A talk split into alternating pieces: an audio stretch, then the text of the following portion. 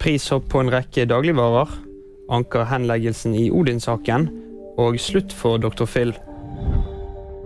To lavpriskjeder med kraftig prishopp over natten. Hos Rema 1000 og Coop Extra har matprisen økt med rundt 10 Kiwis priser er derimot uendret, men det kan endre seg i løpet av dagen.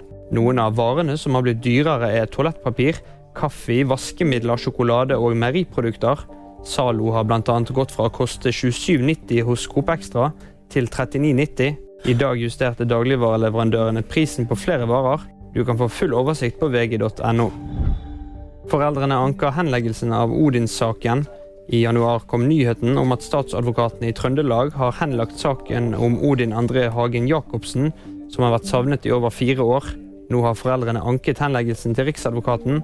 Hagen Jacobsen var 18 år gammel da han forsvant i 2018. Dr. Phil gir seg etter 25 år. Programleder Phil McGraw gir seg etter 21 sesonger. Og det populære TV-programmet Dr. Phil tas av luften. McGraw har i programmet bl.a. gitt råd til kjendiser, foreldre og kjærestepar det blir likevel ikke det siste man ser av 72-åringen på TV. McGraw skal nemlig ha jobbet med et prosjekt som skal handle om å hjelpe den amerikanske familien tilbake til sine kjerneverdier, som er planlagt å lanseres neste år. Det var VG-nyhetene. De fikk du av meg, Kristoffer Gåsve Torgersen.